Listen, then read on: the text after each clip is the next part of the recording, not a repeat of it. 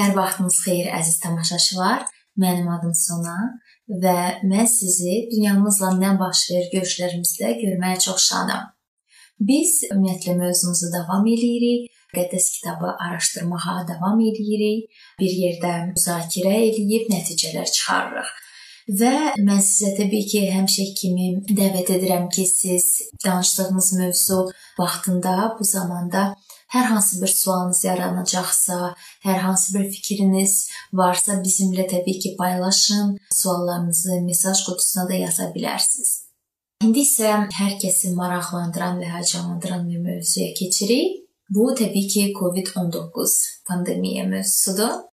Və bildiyimiz kimi artıq bu keçən ilin dekabr ayında Çinin Wuhan şəhərində başladı bu virus və ilk növbələrdə təbii ki, İnsanlar bunu çox da ciddiyə almırdılar, çünki kiçik bir şəhərdən başladı, lokal vəziyyətdə idi və oradan heç kim düşünə bilməzdi ki, o bu qədər yayılıb və bütün dünyanı əhatə edəcək.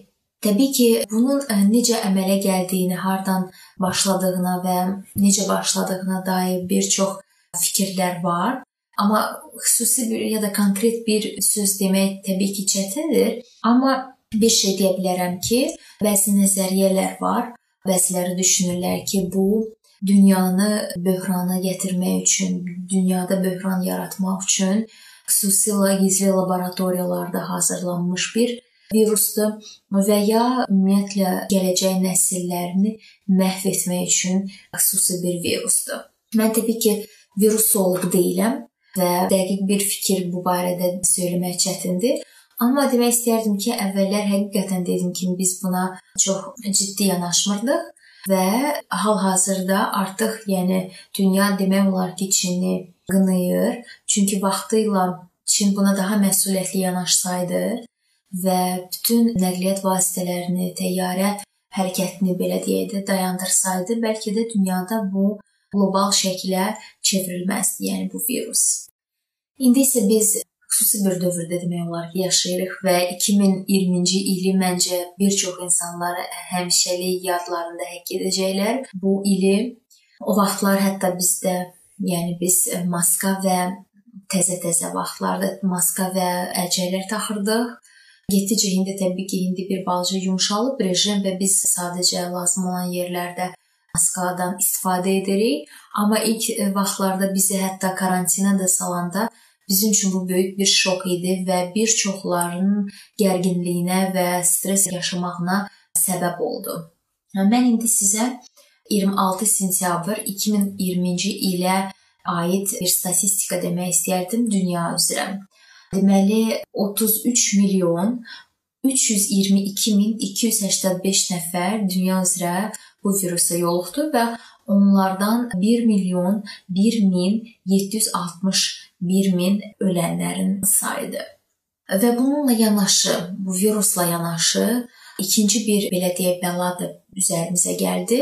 Bu sadəcə təbii ki, bütün dünyaya bəlkə tam olaraq aid deyil, amma Azərbaycana aid olan vəziyyətdə cəbhəmizdə indi müharibə gedir və bütün dövlətimiz, bütün ölkəmiz müharibə rejimindədir və təbii ki, bu bizim üçün də həqiqətən çətin anlardır. Bir çox insanlar qorxu içindədir. Rayonlarda və cəbhədə olan insanlar üçün həqiqətən indi çətin vəziyyətdir və təbii ki, bütün bunların belə deyək də fonunda bir çox insanlarda belə bir düşüncə yaranır ki, görəsən bütün bu viruslar, başımıza gələn məsələn bu müharibələr dünyanın sonudur yoxsa yox? Və buna görə də məhz belə də biz bu görüşümüzü adlandırdıq ki, COVID-19 və bu müharibə dünyanın sonunun əlamətidir, yəni qiyamətin əlamətidir, yoxsa yox. Və təbii ki, biz müqəddəs kitabın bu barədə nə dediyinə baxmaq istəyirik. Çünki keçən dəfə dediyim kimi, müqəddəs kitab xüsusi bir kitabdır və qədimi bir kitabdır. Və biz bu qədim kitabın içində üçdə bir hissəsi peyğəmbərlikdən ibarət olduğunu demişdik. Nəzərinizə çatdırım ki, biz e, nə taro kartlarda baxmırıq gələcək haqqında danışdığımız halda, nə hansısa bir fala və ya Nostradamusun dediklərinə fikir vermirik. Biz çox hörmətli bir kitaba istinad edirik, müqəddəs kitaba və yəni çox təəssüflər olsun ki, bir çoxlar, bir çox insanlar tərəfindən rədd edilir bu kitab. Amma keçən dəfədə mən sizə bu kitabdan həyata keçmiş, reallaşan hekayələr, yəni reallaşan dəqiq faktlar məsələ sadalamışdım və demişdim ki, kəlanda yazılıb müqəddəs kitabı Allah tərəfindən ilhamlanmış insanlar yazıb. Yəni bu o deməkdir ki, Allah öz sözlərini insanların ürəyinə qoyub və onlar bizə o xəbərləri ötürürlər. Yəni bu sözlər Allahın sözləridir və əgər Allah bir şey deyirsə gələcək haqqında bu, bu təbii olaraq ki və mütləq şəkildə həyata keçəcək. Çünki Allah heç vaxt yalan danışmır. Gəlin biz baxaq 2 Peter 1-ci fəsil 19-cu ayədə nə yazılıb? Həmçinin bizdə daha əmin olan peyğəmbərlik sözləri var. Onlar qaranlıq yerdə işıq saçan bir çırağa bənzəyir. Səhər açılıb dan ulduzu ürəklərinizdə doğana qədər bu sözlərə diqqət yetirirsinizsə, yaxşı edirsiniz. Baxın, Peter insanların vəziyyətini necə görür?